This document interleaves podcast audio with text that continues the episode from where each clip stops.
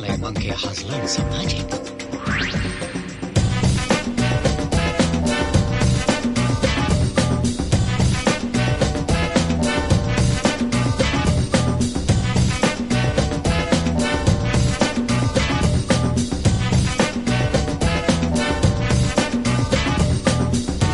Benvinguts al podcast de Lúdica i avui és el darrer d'aquesta temporada.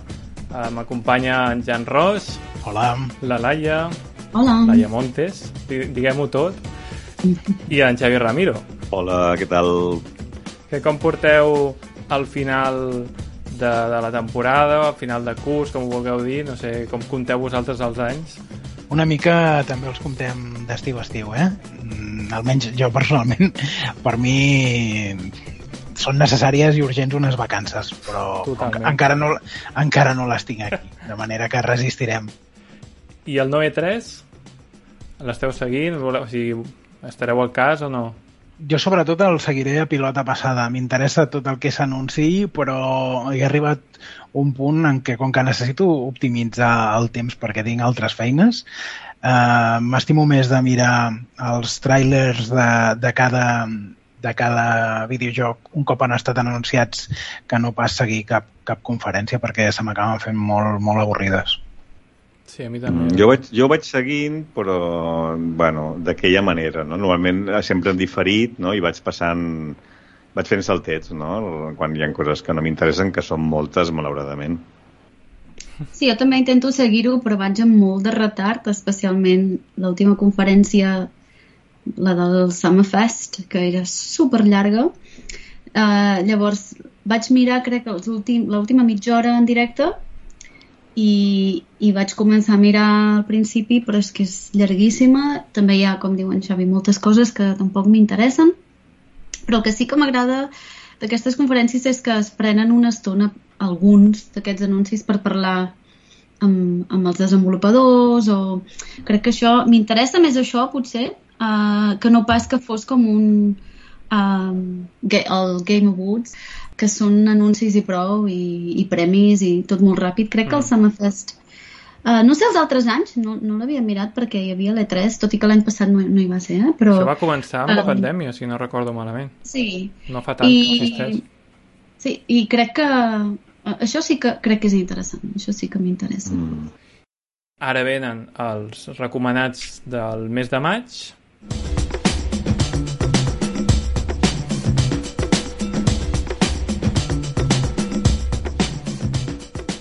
El primer recomanat del mes de maig és Trek to Yomi, que ens proposa un joc contra el barri de progressió lateral amb un apartat visual influenciat claríssimament per les pel·lícules d'Akira Kurosawa i el cinema en blanc i negre.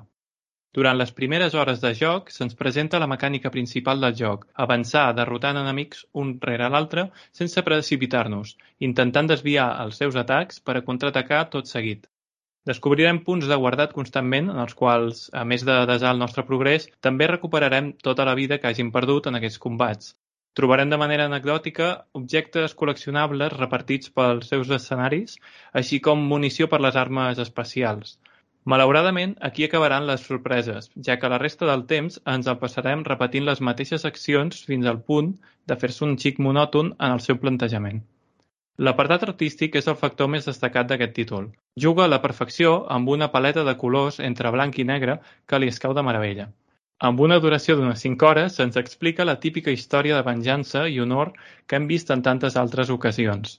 Trek to Yomi és un joc recomanable principalment per a tots aquells incondicionals de la temàtica japonesa medieval.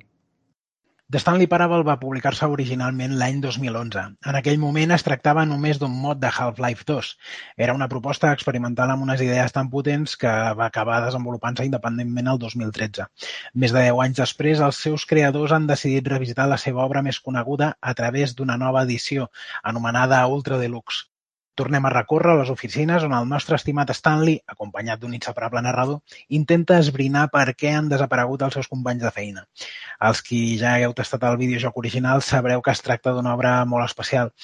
Per als qui no el conegueu, la màgia del títol resideix en explorar la profunditat de les decisions dins dels videojocs i en una trencadissa constant de la quarta paret.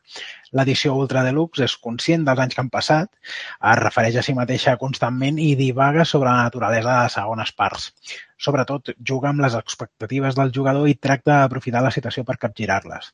Sens dubte, és el més semblant que hi pot haver respecte d'un hipotètic de Stanley Parable 2. Hard Space Shipbreaker ens planteja una professió futurista de desballestador de naus espacials. Plantejat com un ofici inversemblant que requereix la intervenció d'obrers, l'objectiu és anar retallant naus senceres amb làsers i tota mena d'eines avançades per vendre'n els components, tot maniobrant en gravetat zero, que complica bastant les coses. El que fa anar un pas més enllà aquest videojoc és com s'aprofita la dinàmica de joc rutinària i laboriosa per esdevenir una paròdia de com les grans empreses tracten els treballadors, especialment en professions amb riscos laborals letals, com és aquest cas. Amb les veus robòtiques i missatgeria corporativa ja típiques dels videojocs de temàtica futurista i la relació pseudopaternal amb un capatàs amb accent redneck, s'embolcalla la proposta amb humor i crítica social, que amenitza prou bé les dures jornades laborals avisarant cascs de naus.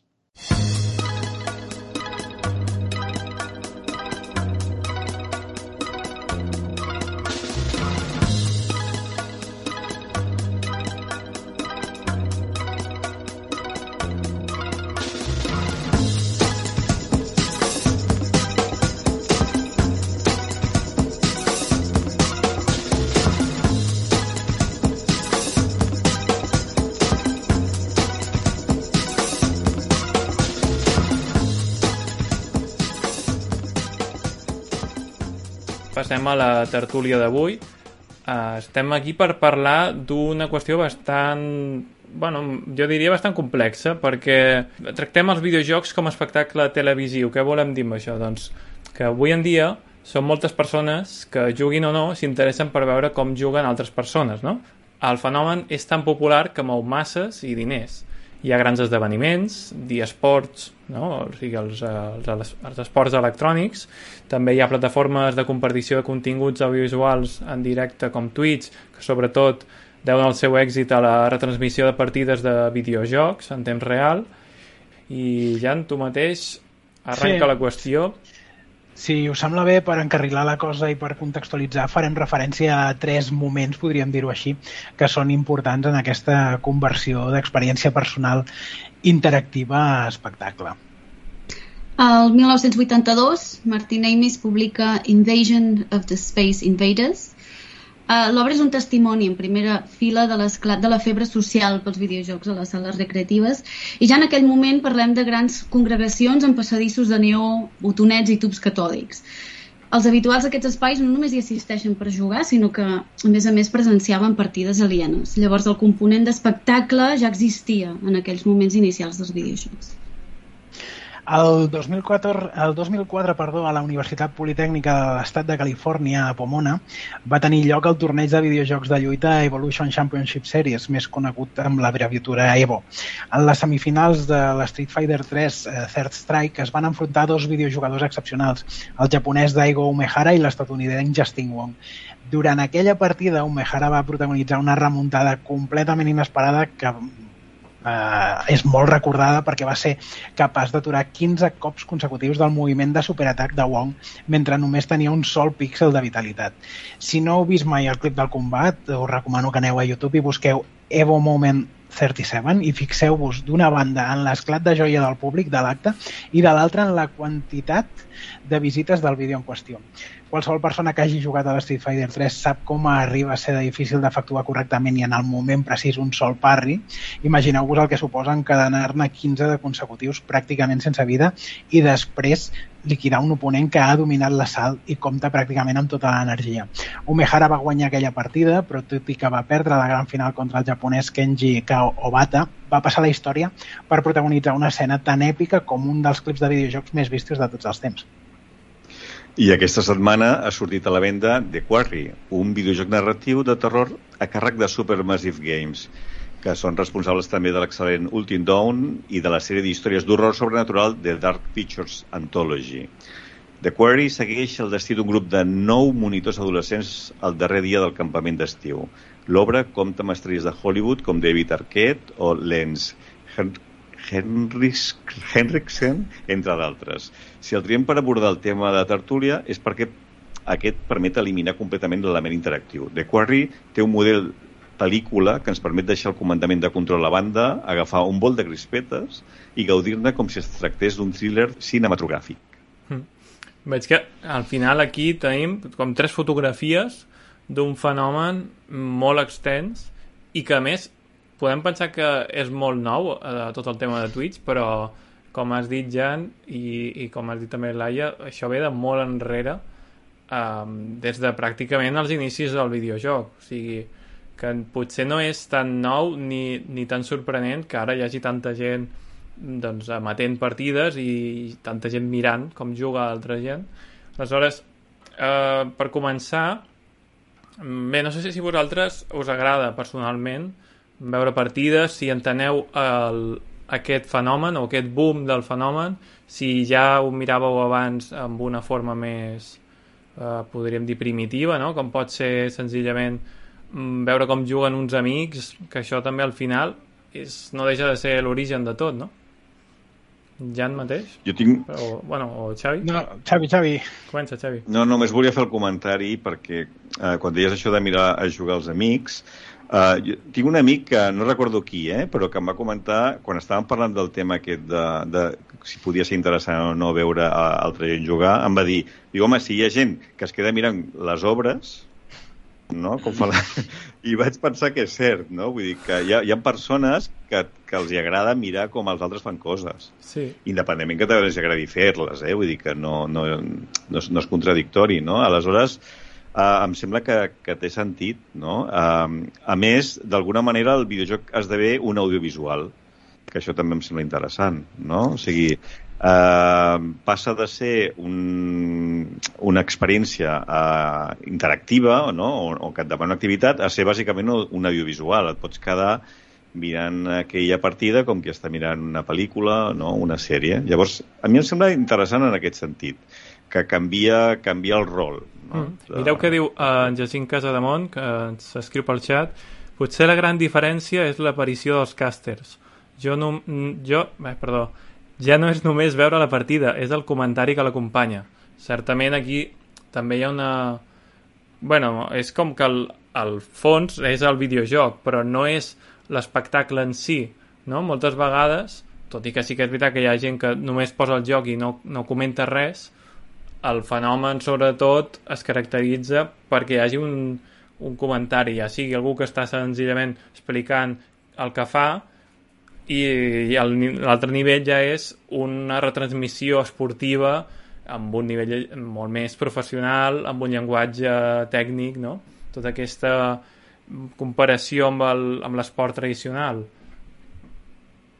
Sí, jo crec que hi ha un component d'espectacle uh, molt clar per mi, uh, o d'entreteniment, posem-ho així. Um, jo sí que he mirat, ara no tant, però sí que havia anat al Twitch a mirar gent com, com jugava i una de les raons, no, no la única, però una de les raons era uh, això, l'entreteniment, no?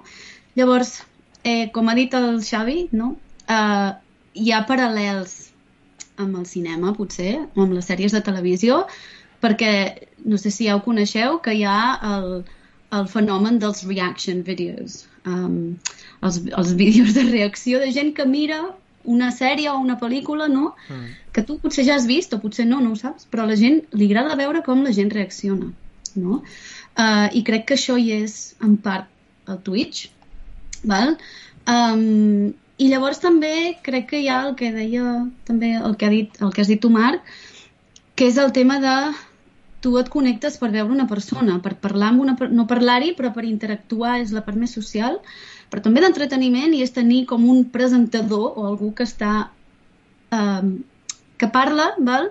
i el rerefons és el videojoc i el videojoc no només hi és darrere fons com una cosa que va passant mentre es parla, sinó que jo crec que és és el que dona fruit a certes converses i és, i és l'element que cohesiona val, a tota la gent que està mirant allò, no? que és el videojoc i tothom li interessa el videojoc i potser parlaran d'altres coses, però l'element cohesionador és aquell videojoc i també des d'aquell videojoc surten converses de videojocs i també d'altres coses i, i crec que hi ha crec que pot ser molt, molt, molt entretingut i crec que això enganxa molta gent, especialment quan s'ha creat una comunitat, quan allà hi ha més que només més espectadors, sinó que aquella persona té converses amb, amb els espectadors, eh, d'alguna manera es coneixen, eh, van a veure aquella persona, no? hi ha una familiaritat, eh, no vull dir una amistat, però sí una familiaritat, eh, i, i crec que es converteix Twitch llavors en una xarxa social, no? que la gent va allà a tenir converses.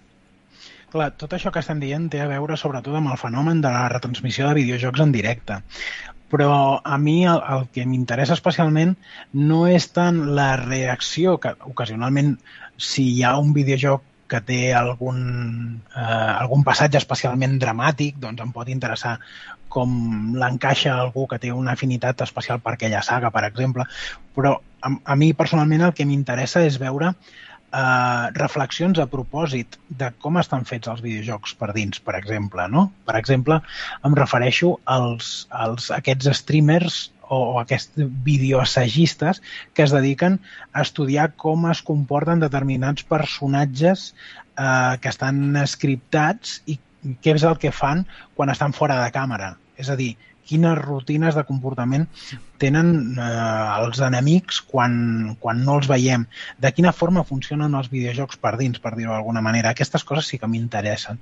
O, o també m'interessa eh, no tant la reacció, sinó l'assaig a propòsit de com estan fets els videojocs o, o, o, o la crítica especialitzada eh, sigui en temps real o sigui eh, a través de, doncs això, de videoassajos. Eh, hi ha un youtuber que segueixo que es, es dedica sobretot a passar-se els videojocs sota condicions especials i no previstes pels desenvolupadors.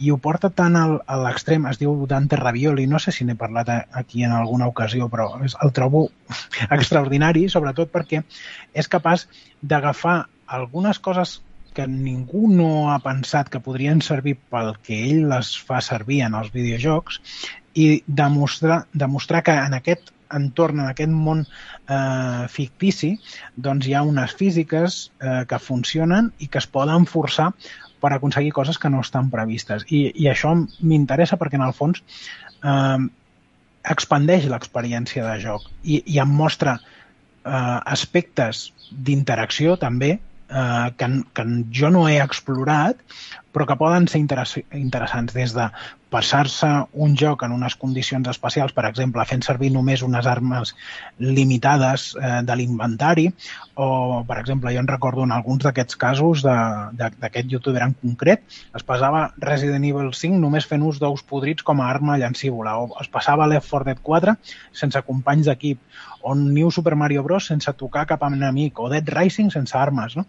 Aquestes coses que dius, mm, jo ja no ho provaria perquè significa mm, forçar molt la màquina i exigir-te molt a tu mateix com a jugador, però al mateix temps també demostra fins a quin punt els videojocs permeten que tu els encaris d'una forma innovadora.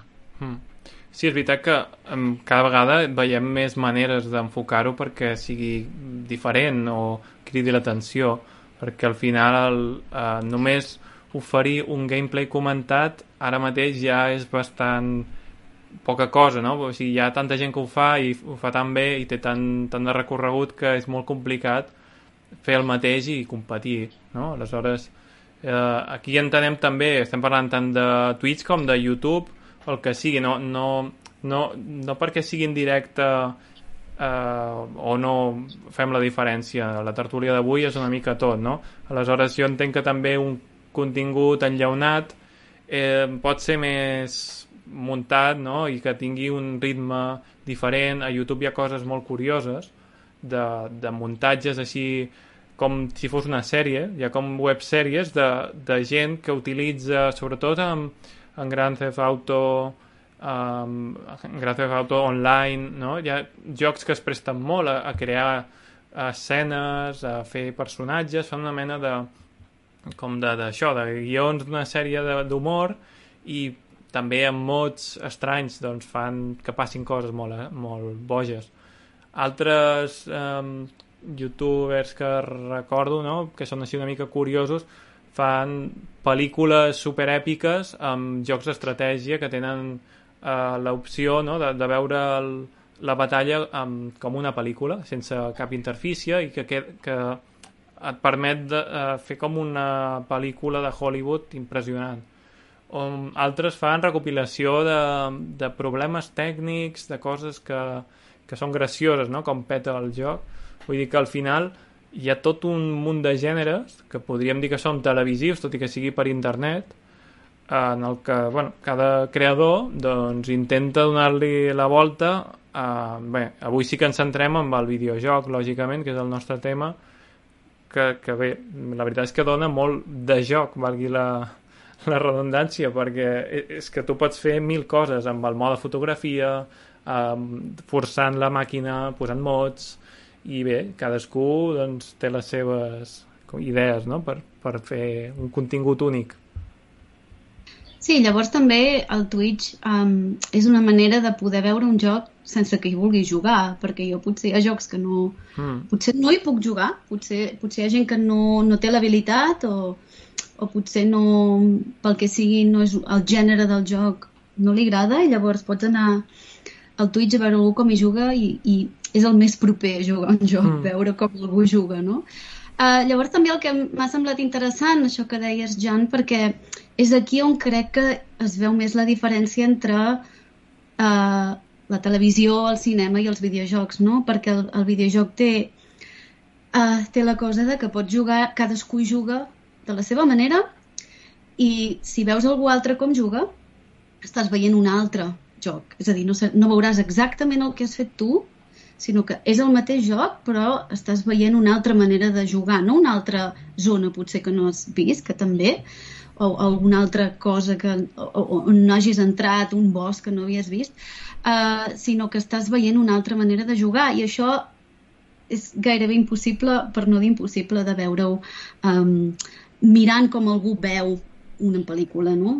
Està veient exactament el que has vist tu, potser l'interpreta de manera diferent, però això ve després, uh, però estàs veient exactament el mateix, mentre que el videojoc uh, té aquest component maleable per dir-ho d'una manera, i que cada partida és, és diferent, no? Um, és molt difícil que una partida sigui la mateixa havent jugat en moments diferents fins i tot la mateixa persona. No? Llavors, uh, crec que també jo l'he utilitzat molt al, al Twitch per, per, per agafar informació, és a dir, en el cas del Jan, per veure com la gent juga d'una altra manera o veure el joc d'un altre punt de vista.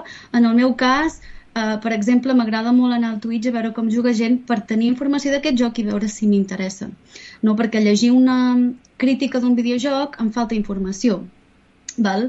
Eh, fins i tot veient vídeos d'una crítica eh, està molt editat, llavors no tinc tota la informació que necessito. Mentre que si veig algú com està jugant puc veure eh, els punts forts i els punts febles de la jugabilitat. Sí, és com no? si hi ha el natural, no? Exacte, si, si hi ha molts enemics molt repetitius, no? Això potser en una crítica, mm. si el crític no ho ha vist, no t'ho posarà, no hi sortirà en aquell vídeo, no? Uh, no sé, si el control és una mica estrany, um, etc etc. Jo crec que um, el Twitch va més enllà de només ser una eina d'entreteniment, o el YouTube, és igual, eh? Uh, o veure algú com juga va més enllà de ser una eina d'entreteniment i um, esdevé una eina d'aprenentatge, per dir-ho d'una manera, i entrant en l'aprenentatge crec que hi ha molta gent també que li agrada veure com juga l'altra gent per aprendre coses, mm -hmm. aprendre a jugar, um, per copiar tècniques o inspirar-se a l'hora de crear un personatge, no? I això existeix molt, especialment en els jocs um, que són multijugador, o en els jocs de crear certs personatges o certes builds, que se'n diu. Um, crec que aquí, aquí té molt públic, tant el Twitch com el, com el YouTube. Podríem dir que o sigui, hi ha gèneres, com has dit, Laia, que potser com a jugadora no t'interessen gaire per, pel que sigui, però que sí que t'agradaria mm, poder gaudir-ne ni que sigui això com una experiència més passiva, més televisada, no? Per exemple, jocs de terror. No, jo, uh, jo volia també comentar una cosa i és que ara amb, amb, amb tot això de, dels videojocs que es converteixen, bueno, que els estan adaptant a la pantalla, mm. hi haurà un munt de seguidors que no jugaran a videojocs. Tota aquesta gent que no ha jugat mai a videojocs, què passarà quan vulguin saber tot el que, o vulguin tenir tota la informació sobre aquella IP, eh, potser no hi jugaran, però potser aniran al Twitch a informar-se sobre com era aquell videojoc, no? almenys la història d'aquell videojoc. Crec que això és una altra eina que potser portarà molts espectadors, no? gent que no es planteja jugar mai a un videojoc però que ha vist la sèrie del Witcher o el que sigui, no? i resulta que, perquè està molt inspirada al videojoc, volen veure uh, com era aquell videojoc o volen mirar-se tota la història, volen seguir tota, tota aquesta història i potser, potser hi haurà nous espectadors de Twitch a qui no els interessa jugar però els interessa seguir um, aquesta història. I evidentment, els jocs de terror, eh? jo com algú que no consumeix terror, aquí no puc parlar tampoc, uh, però potser ja en comentaves abans que coneixies a gent no? que li agradava el terror però no podia jugar a jocs de terror. Sí, sí, sí. sí. Bé, mm, la meva parella mateix no... A ella li agrada veure jugar eh, jocs si tenen una bona història i hi ha un bon disseny artístic al darrere però, però en canvi la posa molt nerviosa mm, intentar fer una cosa bé mentre persegueixen una colla de zombis, per exemple. No? Doncs aquest, aquest tipus de, de neguit mm, no està fet per tots els videojugadors, fins i tot si, si, si pots encaixar bé una pel·lícula de terror. No? Com que és tan immersiu el videojoc, moltes vegades aquesta, aquesta mm, relació de l'espectador és més distant que no pas amb, amb un videojugador que és protagonista de l'experiència. Llavors, suposo que si tu busques una experiència més distant, pots ocupar-te, pots ocupar la posició d'algú que veu allò en una pantalla però que no ho està vivint necessàriament. És bastant diferent, perquè reaccionar en temps real a coses que passen al teu avatar és d'alguna i sobretot en videojocs en, en primera persona, però no només, no? En el fons és reaccionar com si t'estiguessin passant a tu aquelles coses. Per tant, eh, filtrar l'experiència, és a dir, veure-la a través mm, d'un d'un altre tipus d'avatar, que és un, un altre videojugador, veure com un videojugador reacciona a allò, és diferent que experimentar-ho tu directament. Llavors, afegir capes a aquesta relació teva amb els videojocs significa distanciar-te'n i, per tant, fer més confortable o més segura l'experiència. Això, en el fons, és activar mecanismes de seguretat, no? Si a tu aquesta immersió total t'estressa, el que necessites és afegir capes. Per tant, aquesta retransmissió de, de, de les partides el que dona és eines a persones que poden estar interessades en l'argument d'una història, per exemple, per viure-la en una posició diferent que, que els faci sentir més segurs. Senzillament és això, trobo. I alhora pot haver una, identificació, eh? Això em recorda molt el, el món del futbol, no? Que algú diu, hem guanyat, no? I és una persona que lògicament no està jugant, però és que ni tan sols és soci o sòcia, no? De, vull dir que no, realment no aporta res al club de futbol de cap de les maneres i diu hem guanyat, no? Vull dir, aquella persona està convençuda que ella també ha guanyat, no? Vull dir que perquè com s'estima aquell club de futbol, doncs ha guanyat també, no? I això, si ho mires fredament, és molt absurd, però d'alguna manera ens passa a tots, no? Vull dir, eh, és un mecanisme que funciona molt bé, que tu eh, sents que formes part d'allò, però a la vegada eh, aquell senyor que diu hem guanyat, eh, si el fots a córrer al camp de futbol, doncs potser no aguantaria no? ni cinc minuts. No? o quan es queixa de, de, de com ha jugat, però tira bé, tira bé, igual doncs no seria capaç ni tan sols de trobar la pilota, no? Però eh, hi ha una identificació, però des de la seguretat, no? que és una mica el que, el que dèieu, no? de, de casa, no? no? En realitat no ho estic fent, o sigui, m'estic involucrant, però em sento involucrat, però mm, estic deixant la feina bruta, diríem, a algú altre, i, i, i això és un mecanisme, abans la Laia parlava d'això de les reaccions, jo crec que és una cosa molt de, de, de primats, no? que és el que som, no? Mm. primats mm. una mica evolucionats, però jo fa, fa molts anys que la tele japonesa, que de tant en tant eh, veia algun programa, fa molts anys que fan servir això de posar... O sigui, quan expliquen alguna cosa eh, o hi ha un reportatge, posen cares, les cares en petit, no?, de, dels convidats de, del programa per veure les expressions de, de sorpresa o d'interès, i això s'ha anat... Ex... Després ho he, ho he anat veient a la televisió occidental i finalment ho he vist a, a, a Twitch i a YouTube i, i a aquestes xarxes TikTok i xarxes, no? I jo crec que al principi és com molt estrany perquè penses, per què estan enfocant aquest senyor tota l'estona uh, aviam la cara que posa, però hi ha un moment que te n'oblides i d'alguna manera te n'adones que tu estàs mirant de reull la reacció de l'altra persona mentre que tu també ho mires i et funciona, no? perquè hi ha aquest comportament doncs, així una mica de com de mico, no? vull dir que tenim tots, no? de, d'observar, igual que a vegades si estem amb un amic o amb una amiga, si a ell li fa gràcia, eh, potser a nosaltres ens fa més o ens riem també, no? Vull dir, perquè és aquest comportament grupal que, que, que tots tenim uh, dins, eh, d'alguna manera. I això que deia Laura, la, la, la Laia, perdó, la Laura és la meva germana, que parlat amb Doncs, um, doncs um, jo també faig servir molt com a eina de jutjar si el joc em pot interessar, no? si val la pena, perquè un cop t'acostumes a veure el gameplay, uh, realment uh, la, la crítica és, és necessària, però, però eh, és com una part, no? O sigui, jo crec que la crítica la valores més per la visió d'aquella persona, no? per la seva perspectiva, però clar, eh, t'acostumes també a aquesta subjectivitat, no? a poder veure tu eh, a poder veure tu una mica la, la partida i treure les teves conclusions, tot i que en el meu cas o sigui, eh, jo, hi ha com dues opcions. Una, quan realment no tinc cap mena d'intenció de, de jugar aquell joc i d'alguna manera el miro, no? doncs això, no? des d'aquesta perspectiva de, de treure conclusions, però, però l'altre és quan, quan vull jugar aquell joc, no? Llavors no sé quan he de parar, hi ha un moment que dic, bueno, continuo veient-ho perquè hi haurà un moment que m'esgarraré, no?, l'experiència, no? No sé si us ha passat, no?, de dir, sí, sí, sí. quan deixo sí. de veure l'streaming. Clar, és que has de fer una... Arriba un punt que has de decidir o tu mires tot com si estiguessis jugant tu o ja dius, bé, ja el jugaré jo, per tant deixo de mirar, perquè si no t'estàs esgarrant tot. Um, us volia plantejar uh, fer una mica d'especulació cap al futur, o sigui, ara hem parlat dels diversos aspectes d'aquest fenomen, no? com hi ha la part esportiva, la part més de crítica, simplement entreteniment molt personal, molt lligat a la, al carisma d'una persona que està comentant una partida. També coses més produïdes a YouTube, que són moltes vegades eh, d'humor, eh, fins i tot de ficció. Doncs, eh, quines, quines coses penseu que, que veurem en el futur?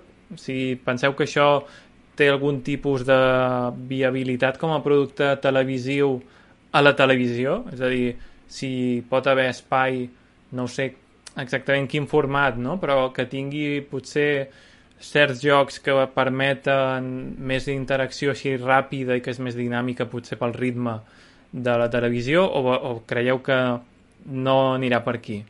Evidentment també com seguirà per als canals propis, vull dir, si Twitch creieu que seguirà creixent o no?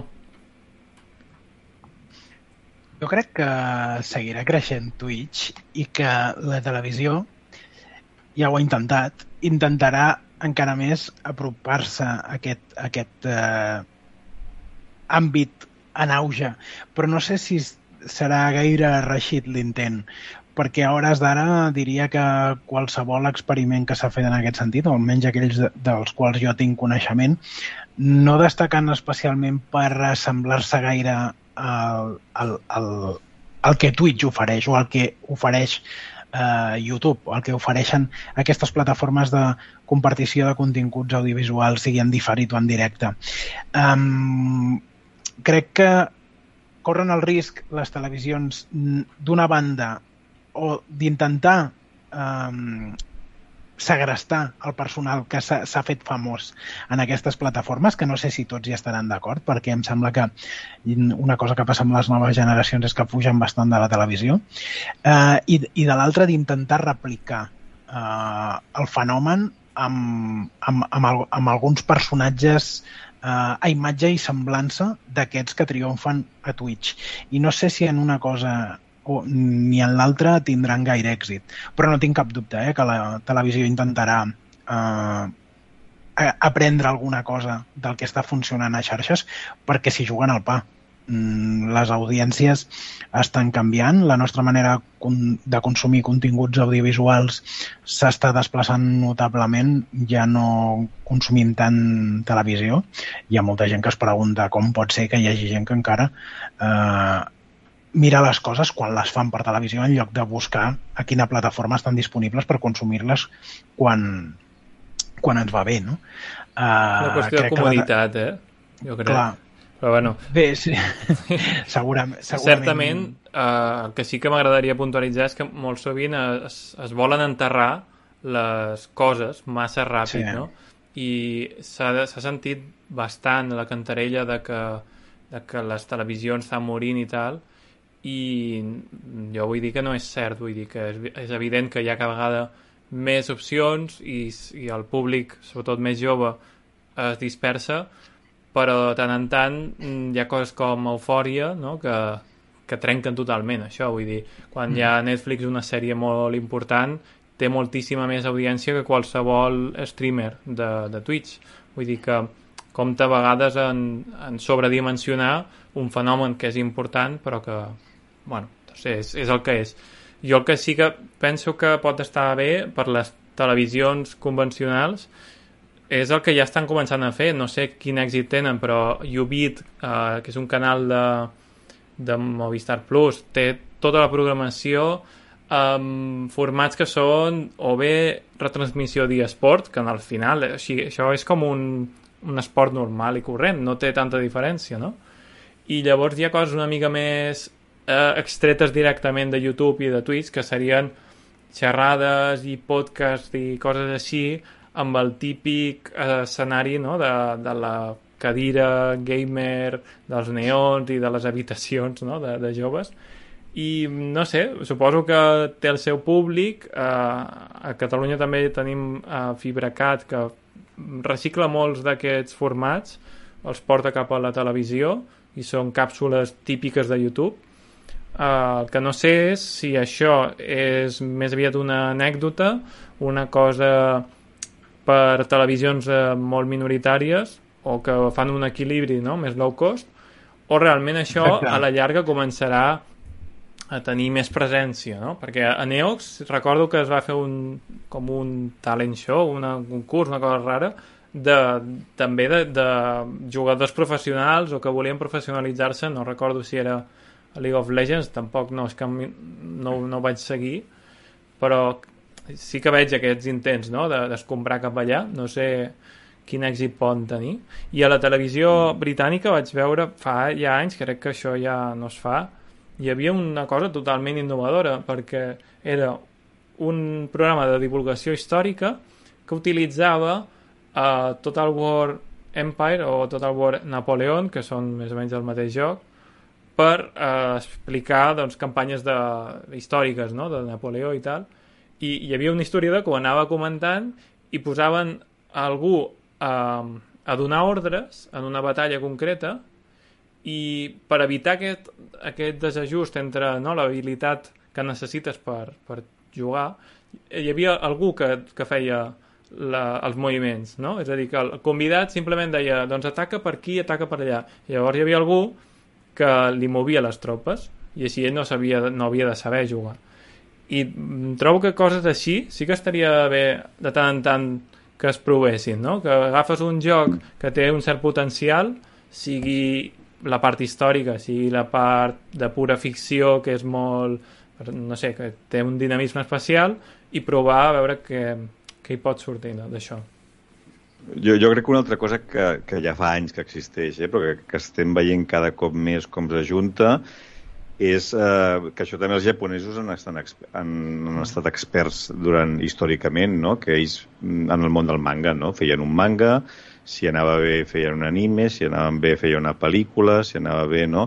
Llavors jo crec que a nivell de franquícia, o sigui, de les productores, no? les desenvolupadores, el que estan intentant és crear un producte que comença en un món, dona igual en quin, i s'expandeix als altres, no? I és una manera de, en lloc d'intentar de que la gent vagi cap a, cap a una, una plataforma eh, que eh, eh, sigui la plataforma, o sigui, que, que te trobis aquella franquícia en aquella plataforma que més t'interessi, no? Estem veient cada cop més pel·lícules i sèries de videojocs, videojocs que, per una altra part, cada cop s'assemblen més a les pel·lícules i a les sèries, no?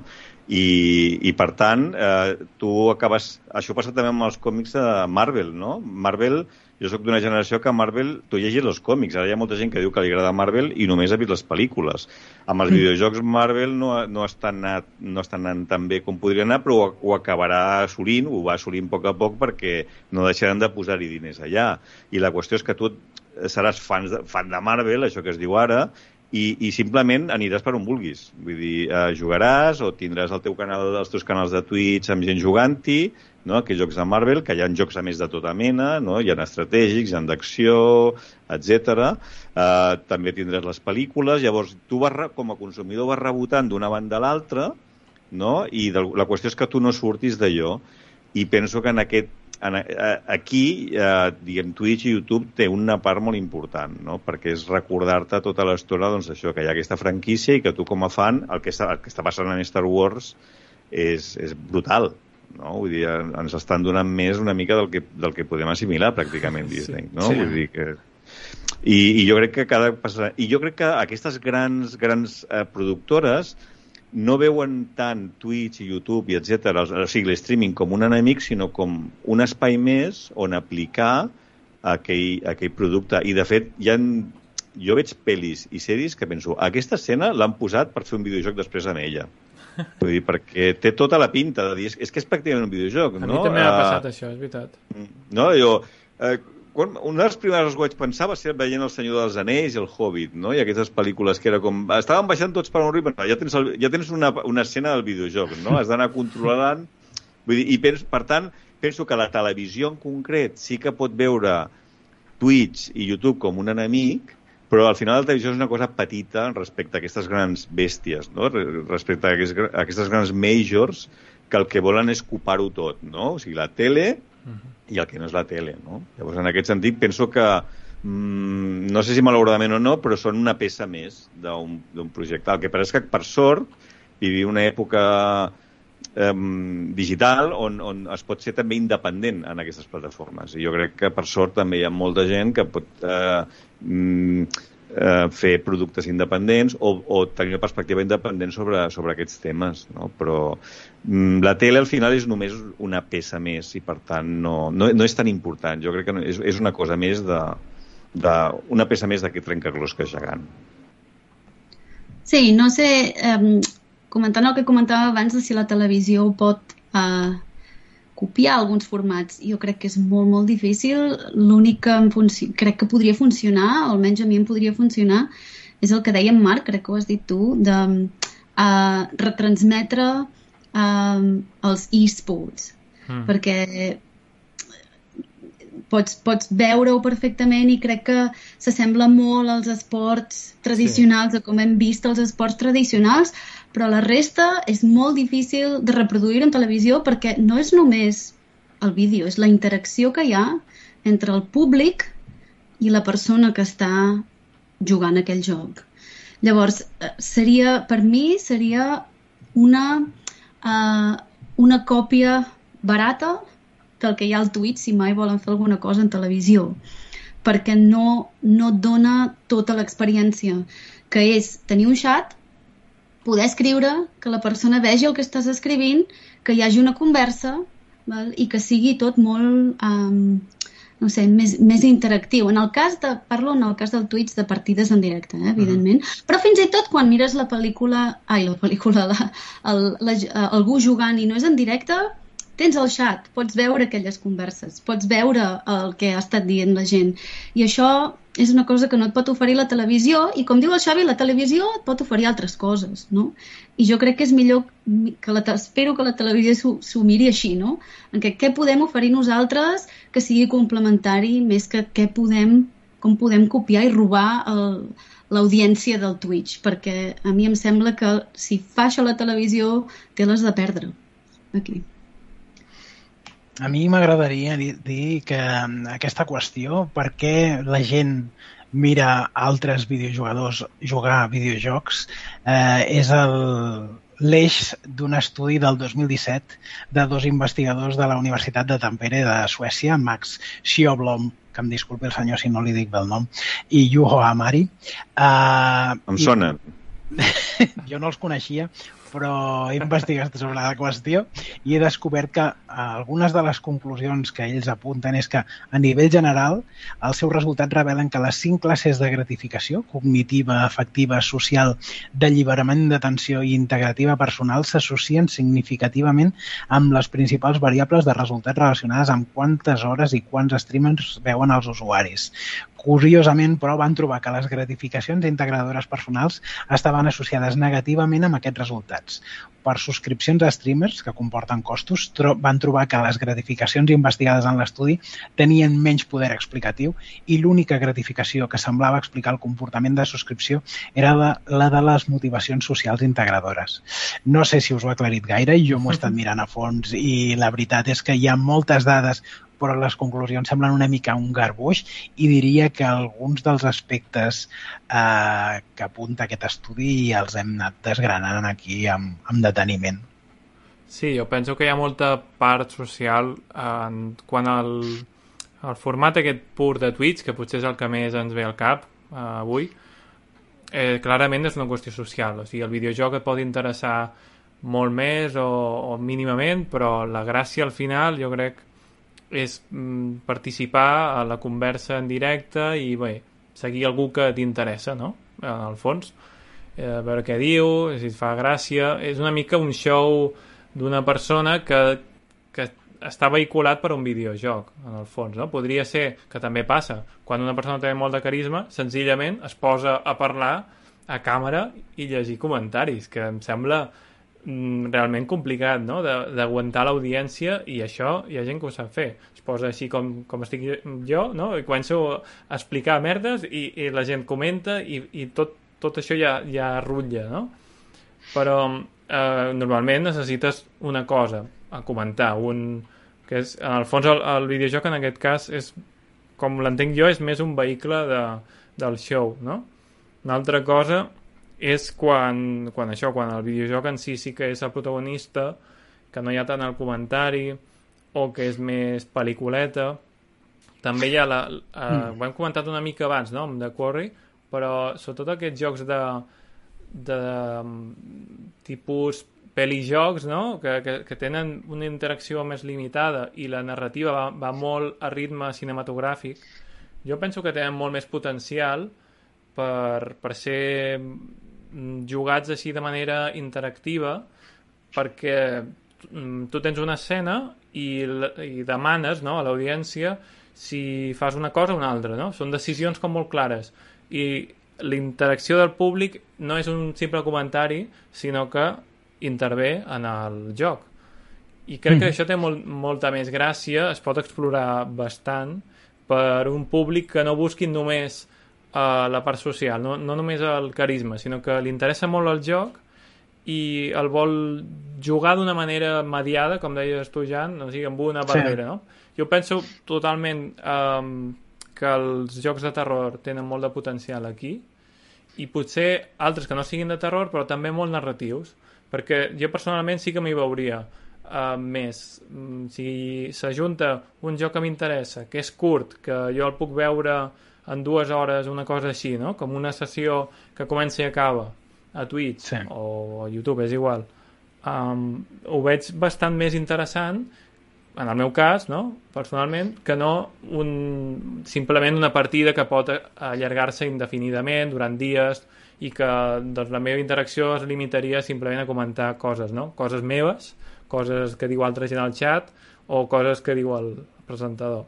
Vull dir que penso que aquí sí que es pot innovar bastant um, en fer fins i tot jocs que crec que ja està passant, no? Igual que a YouTube hi va haver tota la moda de jocs creepypasta, que són com minijocs de terror molt dolents, però que funcionen molt bé per youtubers, doncs també hi haurà jocs condicionats perquè funcionen millor a Twitch, si és que no està passant sí. ja.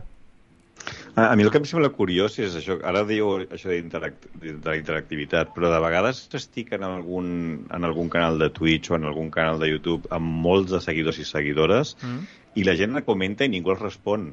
O sigui, és, eh, em, em sembla fantàstic, no? Perquè tothom va com dient coses i va a una velocitat És que veritat, no sí. pots ni llegir, no? Llavors, això fa, fa plantejar fins a quin punt té sentit quan, quan és massiu, no? Perquè quan, quan és un espai diguem, amb menys gent, més controlat, sí que hi ha aquesta interactivitat real, però esdevé falsa quan, quan, quan, és, tan, quan és tan bèstia. Eh, i, i, em, I em resulta fascinant com la gent segueix, o una, una part de la gent segueix escrivint eh, mm, coses que no, no, l'ull humà no, no aconsegueix llegir perquè pugen tan Sí, ràpid. sí. Llavors, bueno... Moren sí, d'èxit, és eh, interactiu aquests. de vegades, de vegades. Sí, sí. Clar, Digues, els, els, els més famosos passa això que dius, Xavi, que al final és, és un no parar dels comentaris i, i diguéssim que s'autoelimina, no?, la funció aquesta. És curiós, no, no m'ho havia pensat. És com Acaba una sent- mena de comentari kamikaze, no? Vull dir, Sí, el, sí. el Gonzo, no? És com... Sí. Bé, Acaba sent que ho diu soroll- 20 vegades. Perquè, Sí, sí. perquè si no ho han vist una vegada ho vegi la següent. Exacte. Sí, sí. No, tot això acaba sent sor- soroll i em, em penso en aquest cas que els que són subscriptors tenen com un, un, un nivell de prioritat superior i llavors, eh, Sí. diguem que l'streamer com a mínim s'assabenta de qui- és que eh, li està pagant el sou, si té alguna cosa a dir, llavors amb aquests est està justificat que els faci un cas eh, més gran que no pas en els altres, no? Perquè si no la cosa realment és, és només soroll de fons. Sí, sí. Els streamers que he vist no són tan famosos. Ja veig que segueixo gent de... eh, que no, no tenen tant èxit. Jo només ho he vist el, quan hi ha streamings de mm, conferències o, o presentacions i allà jo crec que la gent no hi va a tenir una conversa. La gent allà hi va a, com dirien en anglès, a, o a, a hypejar, no? És a dir, a, a escriure comentaris i a crear gresca i, i alguna cosa veus, però crec que allà comentaris no tant. I ja té, ja té també el seu efecte, ja, ja, ja funciona també això, eh, amb aquest tipus de streamings. No he vist mai amb, amb un streamer um, individual parlant i fent, uh, fent comentari. Normalment en aquests casos, potser és com dius tu, Jan, potser és que hi ha un filtre i llavors... Sí, Um, pot, poden, poden triar si veuen només el, el que diuen els, els subscriptors premium, és a dir, eh, o, o vaja, els subscriptors que no pas eh, el que diu tota l'audiència, per la senzilla raó que és impossible filtrar eh, doncs el, el volum de comentaris que es poden arribar a concentrar en una d'aquestes retransmissions amb centenars o milers de, de, de persones seguint i comentant en directe el que sigui que fa una persona que, a més, moltes vegades està jugant a un videojoc. Per tant, no és només estar al cas del que et diuen. Si algú li diu compte que et sortirà per la dreta el monstre en qüestió, doncs eh, és més fàcil que, que ho perdin, no? que s'ho perdin. O diuen tots el mateix alhora o malament rai.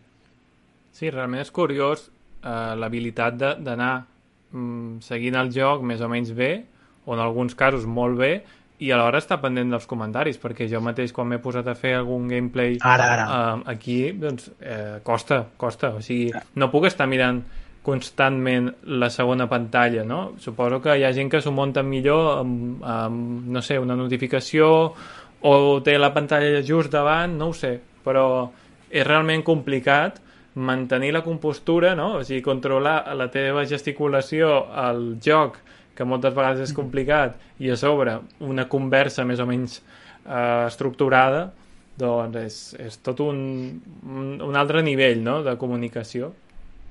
Vet aquí la raó principal per la qual molt esporàdicament jo emeto partides en directe i és perquè mm, o coneixes realment el videojoc a fons Mm. o quedes com un noob, com Sí, un, sí. un novell intentant eh, sortint-te'n al mateix temps que t'estan parlant i és, És molt complicat. molt a, mi, a mi és que inclús em passa que hi ha jocs que no entenc, vull dir que començo a jugar-los i semblo, no, estic com m'estic llegint una mica la tutorial, dic, bueno, més Sí. o menys, no? Vaig tirant, però me n'adono que no. Vull dir que, i clar, l'acabo prenent a base d'errors, però penso, ostres, això seria, vull dir, a nivell de streaming seria terrorífic, no? La, la gent m'acabaria dient, però burro, no, cap allà, que no, que Clar, això va clar. així. Sí, això és una pressió que hi ha. Però, però si t'hi fixes, molta gent ho fa sense cap problema. Va llegint el, el tutorial. A veure, jo és una de les coses que a, a mi personalment no m'agraden gens, vull dir, no m'interessa veure algú doncs, que està aprenent a jugar i que, vull dir que és el natural 100% la partida, no? Preferiria algú que em, ja es coneix el joc i em mostra una cosa concreta, no? O demostra una habilitat brutal, no? Coses així sí que per mi són més interessants. Hi ha gent que fa bouetes i tot, eh? Quan està llegint els diàlegs. Bé, la, la Raquel mateix, bouetes, sí, sí. la Raquel, la nostra companya, que- eh, quan fa directes, a vegades posa una mica d'interpretació també, quan llegeix diàlegs. Sí, sí. És part de la gràcia. La, la Bueno, meva admiració a, a tothom que, que té aquesta vena de, de showman perquè jo intentant-ho a vegades eh, intentes sortir guapo per començar l'stream ja es fa difícil i perquè, clar, Sense cara No de sé, terror, no? a mi, a mi m'han dit recentment que em moc molt el cap quan estic jugant. Doncs si puc Sí. anar, anar fent així com si fos idiota del tot davant de la pantalla mentre m'estan colpejant per un cantó i per un altre i, clar, segurament no quedo afavorit. Eh, potser podria jugar amb màscara, però continuaria fent prou, prou fàstic. Això la meva comenta- admiració als streamers. Eh? Mira, l'Helena Xispa comenta això. No, no moveu el cap o el cos quan jugueu? Clar, eh, Moltíssim, moltíssim. si no controles Sí, molt bé sí. quin és el teu marc no, de, del, de la càmera i quines cares estàs posant o quina postura pots acabar no, amb la boca oberta o, o, o una mica amb el cap, és, és complicat. Ja em costa Si a mi, teniu- amb, amb el podcast, doncs, estar una mica centrat en, a mirar càmera, doncs quan estic jugant costa molt més, clar. Tot i que també Si estàs en un, una mida més petita. Si teniu a més algú al costat que us grava mentre moveu el cap com si fóssiu idiotes i després us ensenya el vídeo mentre es pixa de riure, com eh, la senyoreta que acaba de comentar, doncs el, el cas és, és, és bastant terrible, eh? Vull dir, em fa molta vergonya gravar-me a mi mateix.